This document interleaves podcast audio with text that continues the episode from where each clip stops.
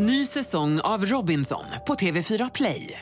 Hetta, storm, hunger. Det har hela tiden varit en kamp. Nu är det blod och tårar. Fan händer just nu. Det. är Detta är inte okej. Robinson 2024, nu fucking kör vi! Streama söndag på TV4 Play. Radio play. Sex kan vara härligt, mysigt och massa annat bra, men ibland så kan det också vara destruktivt. Och idag gästas vi av Alex för att prata om hans upplevelser av att vara transkille och att sälja sexuella tjänster. Vi kommer också att prata om våra egna upplevelser av destruktivt sex. Nästan alla har haft sex som inte känns helt hundra och det är dags att sluta skämmas. Nu kör vi!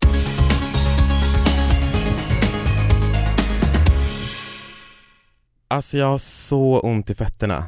Ja du har ju blåsor Anton, Jag har vattenblåsor under hela mina fötter. utan att gå in i för mycket detalj Ja, nej men det är helt sant. Alltså jag hade på mig, hur höga var klackarna igår? 12,5 cm Jeffrey Campbell, det är mina skor du Ja lånade. precis, det är dina och det är ju Mm. såhär uh, kilklack i typ såhär mocka. Supersköna, Jag hade kläder av fantastiska Peter Englund, han var helt där underbar. är jag med, han var där på plats och han hade stylat typ hälften av alla som var där, alla gästerna Alla som var snyggast. Ja, jajamän, best dressed För vi var ju på Rockbjörnen igår, sa jag det? Vi var på Rockbjörnen i tisdags var vi I tisdags var vi på Rockbjörnen, gud jag är helt dagvill. Ja men det var i alla fall så himla kul, vad tyckte du? Jo men vi träffade jättemånga tidigare gäster från Regnbågsliv och många lyssnare, tack till dig som var där Jag ska hälsa till, eh, och, jag ska hälsa till eh, Johanna? oh, Nej vad hette de nu Nej, då? jo hon hette visst Johanna? De som kom fram, Nej, eh, Nej, Johanna, Ellie. ja okej. Mm. Ellie och Denise Förlåt men ni vet vilka som kom, ni, precis i entrén till Vickans där så kom det fram med två tjejer som precis hade börjat lyssna på oss. Ja de, ja vad Ellie gulliga. och Denise va eller? Ja, jag vet ja, inte. Ni vet vilka ni är, och alla som stod utanför vid kravallstaketen, puss puss puss. Och vi träffade också framtida gäster, Oscar Sia ville vara med.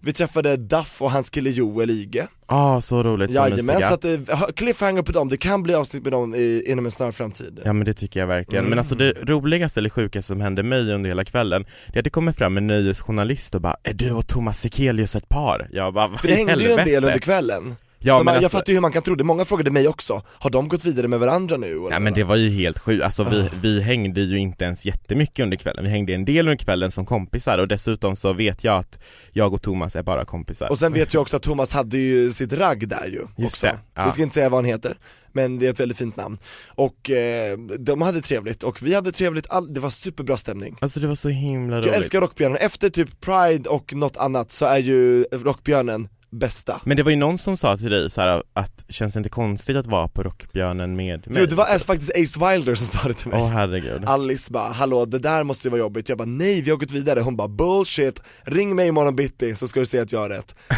Ace, Alice vi hörs på Ja, telefon, hon är fin. Hon är ju underbar. Ja, men från liksom Rockbjörnen då in till dagens avsnitt, vad, vad känner du dig liksom nervös över att prata om så här destruktiva upplevelser så? Oj, här blir det tvära kast verkligen Ja, men det blir det. Ja, men det, det gillar jag Jag hoppas lyssnarna hänger med. Ja jag tror att du gör det du som lyssnar, jag tror att det här är väldigt viktigt att prata om Det finns väldigt många missuppfattningar tror jag, och fördomar kring det här, och jag tror att vi kan hjälpa till att reda ut en hel del. Ja för det är så jävla enkelt att prata om bra sex, det upplevde vi förra veckan, vi fick ju sjukt mycket så här bra feedback och respons och allt möjligt när vi Tack för pratade om din upplevelse först och främst. Den tog jag över lite grann, min trea som folk bara inte kan släppa, folk frågade igår om den också, herregud, I, på Rockbjörnen menar jag. Oh my god, vad kul. Ja nej men och det måste du väl hålla med om, det är ju lättare att prata om sådana saker än att prata om det här liksom svåra, jobbiga, mörka som kanske inte kändes bra. Och därför tycker jag det är sjukt viktigt att vi ska göra det.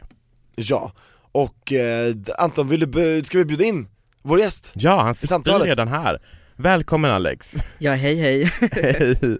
Du har suttit och hört oss babbla på här och så går vi våra tvära kast från Rockbjörnen till liksom annat saker och så. Ja, Hur mår du idag? jag mår faktiskt jättebra, vilket är, jag är glad att vara här, tack för att jag fick komma hit. Det var kul att du ville det, för att det här, det var lite frågan om, om du skulle fortsätta vara anonym eller om du ville gå ut med ditt riktiga namn Ja, nej jag kände att det var bättre att inte vara anonym på grund av att jag tror att det är bättre att ha ett ansikte för det här, att folk, att yngre och transpersoner speciellt också kan få ha ett ansikte, att de inte tror att det är undangömt så att folk liksom lägger under mattan. Precis, för då kan ju folk tro att det är någonting som eh, är skamligt och som är, man skäms för och som är fel, att man inte får ta upp det. Så jag fattar att du bara genom att visa att du är du, det här är jag, mitt riktiga jag Det är ett statement i sig. Ja men exakt, och sen så är det typ en det är en stor sak för mig också att liksom kunna ta bort det skamliga ur det och liksom bara, nej men det här var jag förut och jag har kommit så mycket längre nu för Hur tiden. länge sedan var det som det här började? Ehm, det var 2015 var det. Det var vintern till våren 2016 någon gång. Och då var du Precis in- 19-20 eller? Jag var, ja jag hade fyllt 19, skulle fylla, året jag fyllde skulle fylla 20 var det. Och det var precis, jag slutade komma ihåg några månader innan jag kom ut som trans för allmänheten. Vi har ju nämnt för lyssnarna att, att eh, du har sålt sexuella tjänster. Så om vi backar bandet till innan det hände, vad var det som fick dig att, att börja göra det? Ja, det, alltså det var ju först att jag hamnade i, i en identitetskris, att jag inte fattade riktigt vem jag var. Och sen så kom jag bara på att, ah shit, jag är nog en kille faktiskt och jag har varit det ganska länge utan fast har försökt förtrycka det. Så att eh, jag kom underfund att jag var trans och sen så började jag göra research, söka på internet, googla allting som fanns.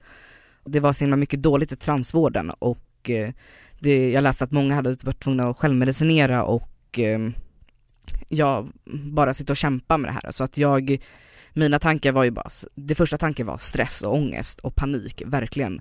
Förlåt, får jag fråga, vad vad innebär självmedicinera för, för de som kanske inte vet exakt? Ja, självmedicinera är att då får man inte någon recept från vården och då kan man inte gå och hämta ut från apoteket utan då köper man till exempel via internet eller via en langare som man brukar säga på gatan, eller inte, kanske inte på gatan då men man hittar någon person som säljer men hormoner som sagt. Det kan allt vara från testosteron till testosteronbrockare eller till östrogen om man är transkvinna till exempel. Så det är liksom de sakerna som är mest och eh, det är väldigt mycket det är väldigt mycket lättare att få tag på testosteron enligt marknaden för det är väldigt många cis-män som använder testos- till till exempel steroider och testosteron för att kunna bygga muskler på gymmet. Du hade alltså landat i att du var kille och att du eh, eh, ville påbörja den här behandlingen så snabbt som möjligt. Mm, exakt. Och då, hur, hur var det, kontaktade du vården då eller hur funkade det? Eh, nej, jag var så himla rädd att komma ut, speciellt för mina nära och kära eftersom att jag har varit väldigt hoppig, hoppig i min identitet hela mitt liv så jag trodde inte någon skulle riktigt ta mig seriöst, speciellt inte min familj. Och så jag höll det här inne tills jag kom ut och sökte inte ens vård om det. Sa inte till någon, bara höll, höll bara trutan liksom om det. Och levde på mitt liv och eh, bara körde nästan i all ångest och all dysfori och allting sånt där. Om jag förstår det rätt så började du då eh, söka liksom en självmedicinering, att du skulle införskaffa dig hormonerna själv och hur fick du tag på dem? Eh, jag började prata med en transkille härifrån Sverige faktiskt som också självmedicinerade. För det var väldigt många transkillar som var öppet på typ Instagram om att de självmedicinerar. Så jag tog kontakt med honom och pratade väldigt mycket om att jag är trans, jag vill nog börja självmedicinera och han bara absolut, jag kan hjälpa dig men det kostar så här mycket pengar och det får du skaffa fram och föra över till mig så att jag kan fixa det åt dig. Får man fråga hur mycket det var? Det var runt 2000 kronor i månaden. Vilket är väldigt mycket om man är student och får bara 1050 kronor i månaden. Ja, vad ska resten komma liksom ifrån? Nej men jag fattar ju själv, det är ju jätte, jättesvårt när man är student liksom. Men hur, eh, hur tänkte du, för vi, vi vet ju nu liksom hur du gick tillväga för att få tag på pengarna, men hur började du med att sälja sexuella tjänster? Jag började söka jobb innan först faktiskt och jag fick ingen jobb på grund av att jag var vet du, studerande, jag hade ingen erfarenhet någonstans, jag hade ingen kassavana, jag hade ingen servicevana, jag hade ingen restaurangvana, ingenting, ingen gymnasiekompetens ens. Så det var liksom ingen som ville ha mig såklart. Och eh, så att då började jag söka först, först och främst började jag söka på termen sugar daddy på internet för det var liksom så här. det lät mycket roligare än vad det var typ. Och då var det typ prata med män och sen så får du pengar för att de tycker om att du är söt och bla bla bla. Och sen så började jag komma in på typ säljarsidor där man typ la upp annonser om att hej jag är så här och så här i kroppsbyggnaden, jag är 20 år och eh, jag vill typ nå mig på min kick eller nå mig på det här numret så kan du få typ bilder eller trosor eller vad det var. Och jag la upp en annons för att jag bara, vad, vad, vad kan hända typ tänkte jag. Ingen kommer ändå höra av sig för att det inte var så bisarrt verkligen. Men så droppar ju allting in bara. Och det var så enkla pengar för mig. Hur såg det ut i början? Förde de över till ditt konto eller så här? för då, då fanns ju inte swish, eller fanns det då? Ja det fanns då. Det fanns då, okej. Mm. Så swishade de, eller hur funkade det liksom? Lämna ut nummer och Ja det, det var väldigt många som så här, jag körde swish för att då fick jag pengar direkt och kunde de få min vara direkt. Men vissa tyckte inte alls om att de skulle swisha för de ville inte, de ville själva vara anonyma. Just det, för då ser man ju deras nummer. Ja men exakt, och man ser exakt vad de heter och kan man söka upp och man kan göra, typ pressa dem på pengar mer och visa liksom om den har en fru eller barn Just eller utpressning. Exakt. Och det vill inte alls folk, vilket jag absolut förstår. Nej, så det var väldigt mycket att folk ville vara anonyma men sen så liksom Det var antingen det eller så fick de ingenting och då valde de hellre att få någonting och swisha och de litade på mig då istället. Du tänkte inte att de kunde utpressa dig tillbaka då? Det var Eller? det de gjorde, de ringde hem några gånger istället. Åh Och du ringde hem. Nej men de hade, som att om man, sök, om man sökte på mitt namn som stod på swish så hittar man ju vårt hemnummer. Så de ringde hem till mitt nummer, hem till mina föräldrar där jag bodde. Och vad sa Typ de till "Hej, dina vad är-" föräldrar? Nej de var, de var mest tysta, det var bara hej, är, då hette jag någonting annat, är det här namnet hemma? Och eh, då var det liksom min mamma som svarade, eller pappa som svarade, och de bara ah nej. Och sen så sa de bara, det var någon man som sökte dig. Jag bara ah nej, det var någon, väl någon som hörde av sig bara och jag vet inte, Ja okej, försökte bara spela cool. jag fattar. Gick de på det då? Så här, bara, "Ah, det måste vara ett misstag? ja. Kan du berätta om första tillfället som du eh, sålde en, en sexuell tjänst och vad det var och hur det gick till? Min första sexuella tjänst var väl bilder, för det var det enklaste att göra. Det tog ganska kort tid och sen så anser jag inte att nakenbilder är så jättefarligt att skicka ut för att det är en kropp, alla har samma, alla olika kroppar, det är inget fel att vara naken till exempel. Så att jag satt och skickade ut sådana, folk frågade mig bara hej skulle jag kunna få en överkroppsbild, skulle jag kunna få en nedre bild? Och kan du göra det här? Och kan du använda den här saken när du gör det här? Och det var det var väldigt så här, det var väldigt nytt och väldigt, inte spännande men väldigt så här pinsamt fortfarande för mig att göra det. Men jag gjorde det och det gick ju bra, jag fick en, som sagt det var väldigt lätta pengar för en student verkligen. Det var typ så här, ja skicka fem bilder så får du 500 kronor. Och det var verkligen så enkelt men så destruktivt och farligt verkligen. För man blir ett beroende, det blir som ett beroende nästan, att man hamnar i det här, och shit vad billigt, vad, eller vad billigt, vad mycket pengar man kan få av en sån liten sak verkligen. Mm. Hur fort gick det att bli beroende? Det tog väl alltså bara några dagar för jag fick ju fler, fler, fler och fler kunder hela tiden. Och eh, jag märkte ju bara att mitt konto steg och steg och steg hela tiden. Så jag kunde liksom, jag kunde både äta och bli mätt och lägga undan pengar till testosteronet som jag skulle ha senare. Så det var jätteskönt men ändå så bara, jag visste inte riktigt hur farligt det kunde bli, absolut inte. Sen har du också träffat personer.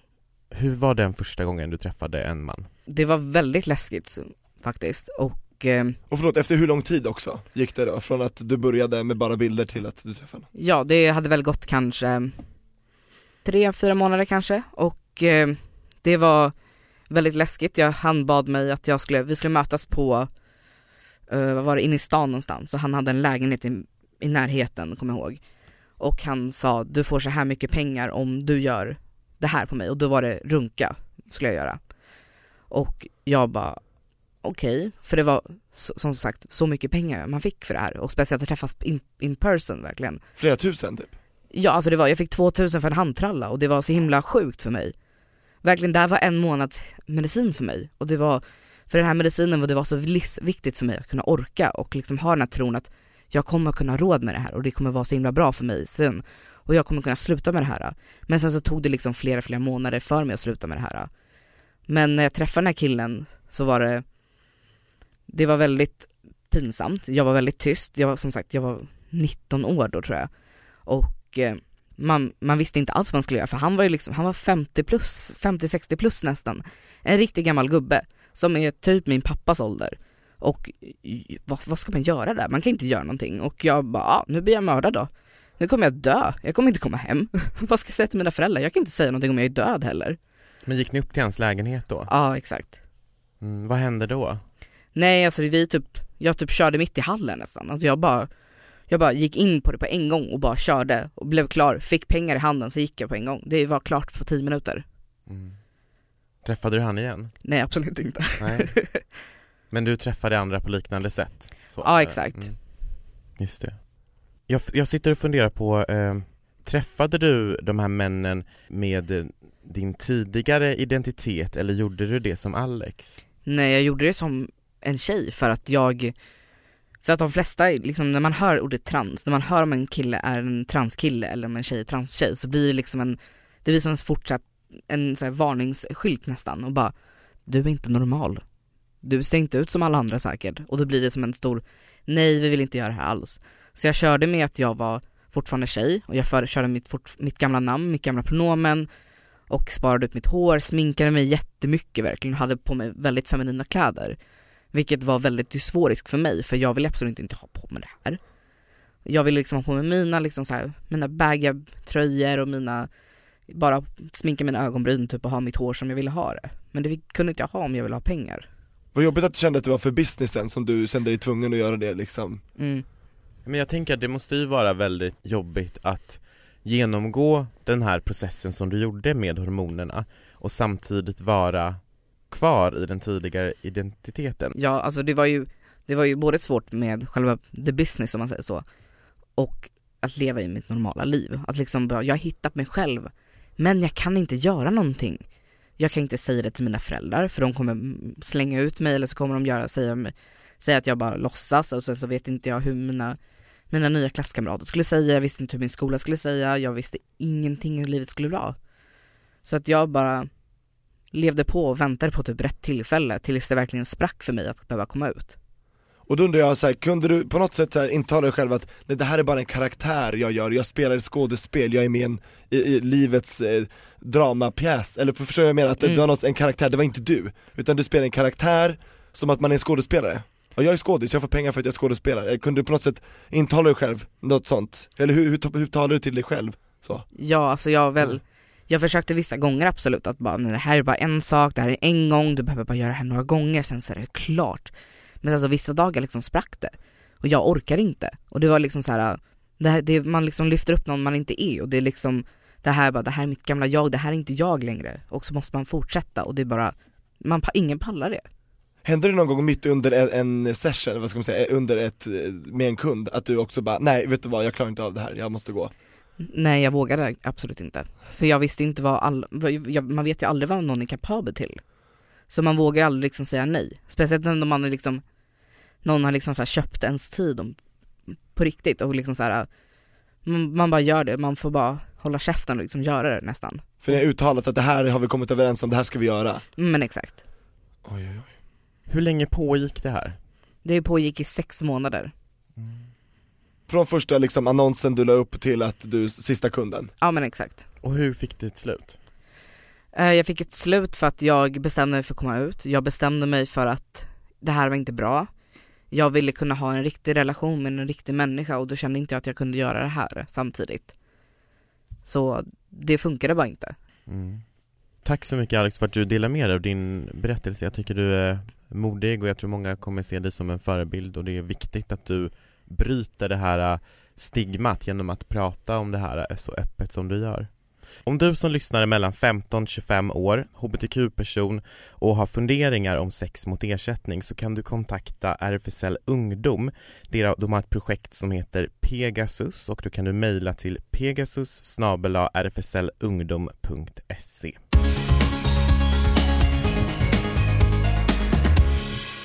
Tack Alex för att du delade med dig av din eh, berättelse. Jag tycker du är hur stark som helst. Det var så lite så. Och du är kvar med oss för nu ska vi snacka mer om sex.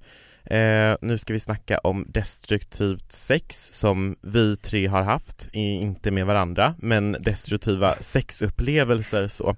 Och jag tänkte egentligen så att vi börjar med dig Tobias, att du ska få dela med dig utav någonting. För jag vet att du har funderat på en speciell grej som du vill dela med dig av till lyssnarna. Ja, det är svårt för mig att hitta något destruktivt för jag tycker inte riktigt att jag har haft det. Jag har varit ganska skonad från det. Eh, men om jag ska tänka efter en grej, det var precis väl när jag började eh, upptäcka min sexualitet och eh, ville få liksom uttryck för den. Och då var jag väl 15-16 någonting. Och då bodde vi i Sundbyberg. Jag var hemma hos min familj fortfarande. Och jag hade en granne som kanske var dubbelt så gammal. Hur Typ, gammal sa du var? jag var 15-16 och han Okej. var väl 35 då, så mer, ja 20 år äldre typ Ja okej. Och eh, hade liksom gjort lite hintar så här. Och typ började fl- flirta med mig, alltid var så här väldigt eh, flörtig och det märker man ju Liksom, jag är inte dum så jag märker ju vad han Hur ville märkte du det? Nej men sättet han kollade på mig, han pratade med mig och liksom gjorde massa inviter bara ska du inte komma in här på lite det och det, fika och jag har lite det och sådär och så, mina föräldrar så här, tyckte väl det var lite så här konstigt för att han var väldigt, väldigt trevlig hela tiden. Framförallt när jag var där så bara hej och så. Och sen så en kväll så eh, Ja men jag träffade, jag träffade honom så här när jag skulle komma hem någon gång, då kom jag hem själv. Och han bara, ska du inte liksom följa med in lite? Jag har lite, jag har bakat eller gjort någon fika och sådär. Lite så, och det, det borde man ju lärt sig att man ska inte följa med främlingar, men han var ju granne så att det, det kändes väldigt oskyldigt Och jag var ju lite nyfiken ska jag ju erkänna, för jag märkte ju, han, han såg väl helt okej ut så Och jag var lite, det, det var spännande så och Men vadå, vad hände då? Så han bjöd in dig på nybakt på fika, eller vadå? ja, en ja. kväll Och vad hände då? Ni sitter där i hans För då var inte mina föräldrar hemma, och, och så jag gick dit, eh, Hade han fru eller var han singel? singel Ja. Och eh, hade massa hundar, kommer jag ihåg, och det tycker jag var kul för min mamma och pappa är allergiska så att jag får inte ha pälsdjur, så det var också en sån här grej. Så att då eh, gick jag in dit och eh, vi började fika och det var jättemysigt och trevligt och han började typ så här klä av sig, eller han, han ville liksom bara visa upp sig för mig och det var ganska märkligt. Han skulle typ ta en dusch eller någonting och han, hade, han var inte generad alls med mig och jag blev så här: oj vad händer nu? typ. Och så ni sitter och fikar och han bara 'jag ska hoppa in i duschen' Ja men typ, Okej, ja och sen hoppade han in i duschen och sen så den gick han 15-åriga grannpojken Ja, på besök. jag var Ja. nästan 16, det var jättemärkligt. Eh, Och sen så la han sig, han bara 'kom till sovrummet' typ, eh, så, här, så la han sig där Och jag bara okej då får jag följa efter, varför ska jag sitta ensam i ett kök liksom? Och han bara 'sätt dig här' typ, och så det ena ledde till det andra och han liksom började så här ta lid och hinta och smeka och så här, jag tyckte det var spännande samtidigt som det var jättekonstigt, det var min granne, herregud vad är det som händer? Ja, och eh, det ena ledde till det andra och eh, vi hade sex Helt Hade ni enkelt analt sex eller oralt sex? Allting, oralt, analt och eh, det var inte skyddat Minns jag, så det var inte bra eller? Oh. Men jag fick ingenting, jag fick inga sjukdomar så av honom Men jag, fick ju massa jobbiga känslor Men hur, hur länge pågick det här då? Det här pågick i, hur länge kan det ha pågått? Lite till och från under ett år faktiskt Ganska länge Men märkte inte dina föräldrar någonting? Att du Ingenting. försvann ibland? Det var ingenting de sa De vet inte om det nu heller? Det vet jag inte, oj det här blir jobbigt Men jag vet Oj. att de, de, de lyssnar inte på podden, alltså mina föräldrar Och sen är ju också grejen med det här avsnittet att vi ska bryta stigman Så det gör väl ingenting om de lyssnar tänker jag Nej, och jag, jag ska säga så här. att grannen, som vi inte nämner vid namn, han var väldigt fin med mig Fast att det här var ju på gränsen till olagligt, det kanske var det till och med, jag vet inte. Och eh, jag tyckte väl att det var spännande på ett sätt För att jag hade ju inte träffat någon annan, vad jag vet om, som var som jag och jag hade inte någon att utforska med. Men, året efter det, eh, när jag var 16, så upptäckte jag ju hemsidor och nätet. Vi får komma ihåg att det här var ju 10 år sedan. Och sen så slutade jag med grannen och eh, så var jag med jämnåriga istället. Men det är ju ändå så här det här eh, maktbalansen, eller är ju ganska ojämn tänker jag om, Du är ju i en beroendeställning för du är ju en vuxen person som är din granne som har, alltså, och du är liksom osäker i din Fast sexualitet jag tackade nej många gånger, jag ville inte ibland och då var Ah, okej okej. Okej. Så, Så mm. det här var, var, skulle du säga att det var destruktivt eller inte? det var väl eh, lite det, för jag tror han utnyttjade mig, han såg väl att jag var liksom eh, en kille som inte riktigt visste vad jag gillade och han tog ut tillfället i akt och utnyttjade det liksom, det tycker jag inte är okej. För han visste väl också om att du inte var öppen för dina föräldrar? Så Absolut, han kände ju. dem, Ja. det var ju det som var det jobbiga. Ja. Ja, nej jag tycker det där, jag tycker inte det där är okej. Nej inte jag heller, och han, jag tror att han vet om vad han har gjort. Så att han får ju, han får ju stå med det liksom. Mm. Men jag har klarat mig väldigt bra utan de vidare trauma och så Ja, jag vidare. Så det är ju inte alla förunnat, så jag känner mig ändå ganska, liksom, eh, jag har klarat mig ganska bra från det här Har du varit med om något liknande som det här Alex? Eh, nej, jag har inte varit med om någon liknande per se, utan jag har, min destruktiva historia som jag tänkte prata om nu är att jag träffade en kille på en hemsida som är till för BDSM-människor. För det var där jag det var typ där jag typ hittade mest folk som vill ha sex med någon på ganska, på ganska liten presentation om man säger så. Och eh, så jag träffade en kille, han var jämnårig, han bodde i Uppsala. Och eh, Ja, han var tydligen i Stockholm, vi hade varandra på kick och vi satt och pratade, satt och ut, skickade bilder till varandra. Han verkade trevlig, men han var väldigt noga med, jag vill inte ha något förhållande. Och jag var naiv för ett år sedan tydligen. Och bara, nej men om jag har sex med honom kanske han vill vara med mig. Jag hade, jag hade, har alltid haft en inställning, en dum anledning, om den personen vill ha sex med mig så kanske jag kommer tycka om mig sen. Så han var inne i Stockholm och eh, jag bara, ah, men kom hem till mig. Jag bodde själv då inne i stan. Så att jag bara, ah, men kom hem, vi kan väl ha kul. Och han bara, absolut. Sen så blev det väldigt destruktivt att han, jag kunde inte säga nej. För det, är- jag är en sån här person som har väldigt svårt att säga nej till saker. För att du inte vill göra någon besviken eller för? Ja men det är också sen så för att jag typ tror att I kill the mood if, om jag säger nej. Typ att, ja men jag, han gör det här så bara, nej men jag vill inte, så bara, oj, oj okej, så backar de istället. Då blir det som typ att jag får ett F minus på prov nästan, i känslan. Så att han var hemma hos mig, vi hade sex, vi hade väldigt, vi hade både bra och dåligt sex under den här kvällen. Och det var väldigt mycket saker som jag inte ville göra och väldigt mycket saker som jag ville göra. Och- Snackar vi såhär oralt? Eh, Oralt, eh, analt, analt ville inte jag göra för det var inte någonting jag var bekväm med. Och sen så var inte jag heller förberedd. Och han liksom bara, för alla som har haft analsex vet att man måste värma upp. Det vet vi. Det är någonting man måste göra och det gjorde inte han. Han bara körde, jag bara, det här, Aj. nej det här funkar inte, nej, bort från mig. Men jag kunde inte säga någonting för då var jag, då avbröt jag moment liksom. Så du bet ihop? Jag bet ihop och jag bara bet i min kudde och jag bara, jag, här, jag klarar inte det här längre. Sen så tur så bytte han och då körde vi vaginalt istället. Och vilket var hundra gånger bättre för mig. Nej så att det var liksom det och sen så bara, ja. Sen så gick han hem och sen försökte jag skriva till honom för jag bara, jag kanske kan flörta till det lite granna. Nej, då hade han blockat mig. Jag fick inte tag på honom någonstans. Jag tror det är så himla vanligt det du säger Alex, eh, eller det som du säger där att man biter ihop och typ biter i kudden eller vad det nu är för att man, man vill inte göra den andra besviken och typ så. Nej. Och här var jag ändå, här var jag ute som trans också. Och jag tror det var så himla viktigt för mig att hitta någon som bara vill röra mig verkligen. För att jag hade läst i media, alla hade skrivit så många skällsord om transmänniskor och icke-binära, allt sånt där, bara ni är äckliga, ingen vill ha sex med er, ni kommer aldrig hitta någon som älskar er. Och jag fick höra så nära och kära också, bara du kommer aldrig hitta någon om du är trans. Och det var så himla, jag bara nej men nu måste jag hitta någon att ha sex med. Nu måste jag hitta, hitta någon som vill vara med mig, jag måste hitta någon som vill gifta sig med mig. För att visa dem typ? Ja men typ, jag måste hitta någon som verkligen bara tycker om mig för den jag är och fast det, gjorde, det tog väldigt lång tid för mig att hitta någon som tycker om mig som jag är. Och Anton, vill du berätta om din eh, dekadent, eh, dekadent din destruktiva historia?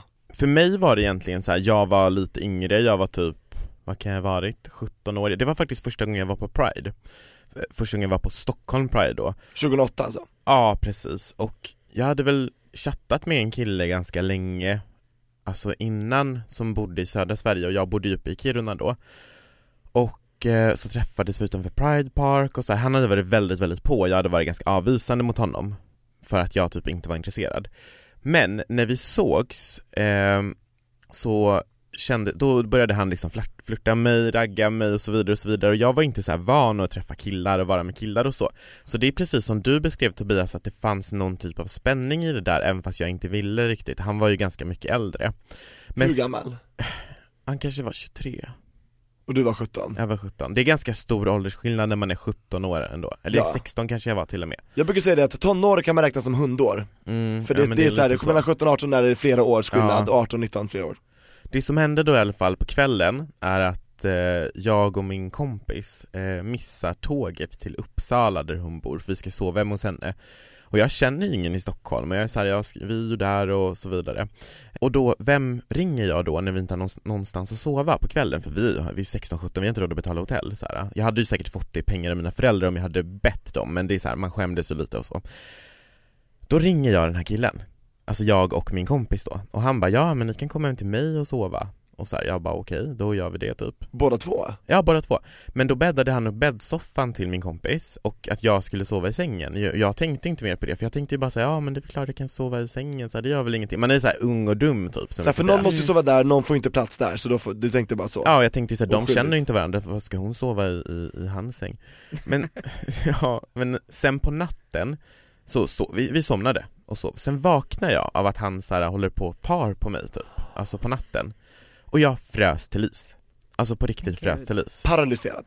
Och, då, och det är också någonting som jag tycker är så Det var inte så att vi hade sex, det var inte som att vi gjorde någonting för, för efter kanske så här 20-30 minuter så typ reser jag mig upp och typ bara, jag går, alltså så Men, eh, alltså då gick vi ut mitt i natten så här, jag och min kompis, jag bara du följ med, vi måste dra typ så här. Men det var sjukt så här, alltså traumatisk upplevelse att så här, inte liksom kunna säga nej, förstår ni vad jag tänker? Nej men det blir ju liksom som att man Så man, speciellt när man är ung, man vågar inte säga nej och sen så blir det liksom att man, man inte kan säga nej för man blir liksom bara, nu är det någon som tar på mig, jag vet inte vad jag ska göra.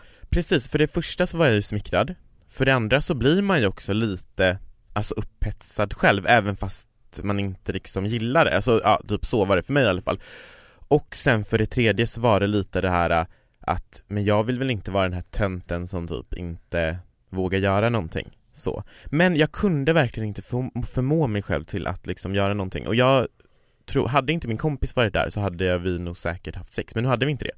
Men det var ju fortfarande liksom sexuella grejer som skedde eller vad man nu ska säga. Och det här har inte jag tänkt har varit någonting fel förrän jag har hört andra berätta om liknande grejer. Och nu i efterhand inser jag ju bara hur sjukt konstigt det är typ. Varför stämde inte han av så här att det var okej, man kan inte börja ta på någon som bara sover i en säng mitt i natten Men då tänkte jag så här, men det var ju dumt av mig att åka hem till honom det var, Då hade ju jag liksom gjort en invit, förstår ni jag tänker? Jag förstår. Ja, så det är väl typ min grej, sen har jag lite fler sådana grejer men det kan vi ta en annan podd för nu behöver vi börja runda av Det kan vi ta till ett annat, annat avsnitt. Ja precis, men eh, ja, Men jag tror att det är som du sa Alex, när man inte vet vad man ska göra, då gör man ingenting. Mm. Och det är jättefarligt. Och sen så blir det också en annan sak som du sa att man, om jag själv går hem till människan så blir det en annan sak. Det är samma sak med när man anmäler en våldtäkt så får man alltid bara Men nu var det du som gick hem till honom, eller du bjöd in människan. Och då blir det en annan sak, då blir det ditt fel istället. Och det är liksom den, det är samma sak här, när jag, någon gör något destruktivt med mig och jag bjuder in eller jag bjuder in mig själv, då tar ju jag själv liksom bara, det är mitt fel. Men det kan vi säga, det är det ju inte. nej det Nej är det absolut inte. inte. Det är aldrig liksom offrets fel. Nej alltså mitt 17-åriga, eller mitt 16-åriga tror jag det var, jag tänkte ju så här att oh det här var dumt, vad dum jag var som gick hem hit, vad dum jag var som gjorde det här, vad dum jag var som drack och så vidare Men det jag vill säga till mitt 16-åriga jag och till alla andra liksom unga personer och äldre personer som, som är med om såna grejer är att oavsett liksom så här omständigheten och så vidare så har den killen eller tjejen eller, eller personen som du är med eh, ett ansvar att säkerställa att du är med på det den gör och du också har ett ansvar att liksom inte göra saker mot andra utan att checka av att de är okej med det Mm. Vi har ju liksom, så- vad heter den, här samtyckeslagen? Samtyckeslagen ja, att all, båda två ska vara med på samma sak. ja, precis. Och det är inte så jävla svårt att fråga Nej, Är det okej att jag tar på dig typ? Ja, gör det precis. Och Jag tycker att vi har, vi har nått fullständigt samtycke Ja. i det här avsnittet, eller hur hörni? Ja det tycker jag också. Tack för att du var med Alex Det var så lite så. Skulle jag kunna få säga en sak bara? innan? Absolut Jag skulle också vilja, att ifall det är någon ung transperson, transkille, icke-binär, transtjej som bara vill prata, som vill behöva hjälp med någonting så eh, tveka inte att höra av er till mig och jag har min instagram som är alex.trave med w och man hittar mig på instagram och det är bara att skicka iväg ett meddelande ifall man bara vill prata, ifall man behöver hjälp med någonting, vad som helst. Jag svarar. Vad fint av dig Alex. Ja, verkligen Hoppas att du får jättemånga fina härliga svar från våra lyssnare och eh, jag tror att, jag hoppas att vi har hjälpt. mm. Det tror jag faktiskt, att det här har hjälpt några. Mm. Och då är det värt allt. Verkligen. Ja absolut. Hörni, det här har varit fantastiskt.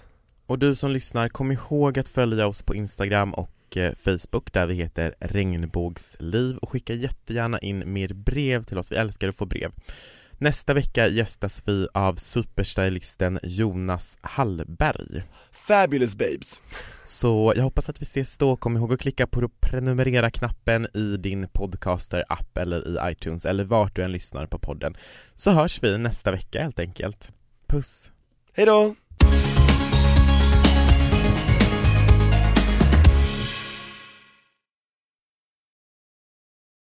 Ny säsong av Robinson på TV4 Play.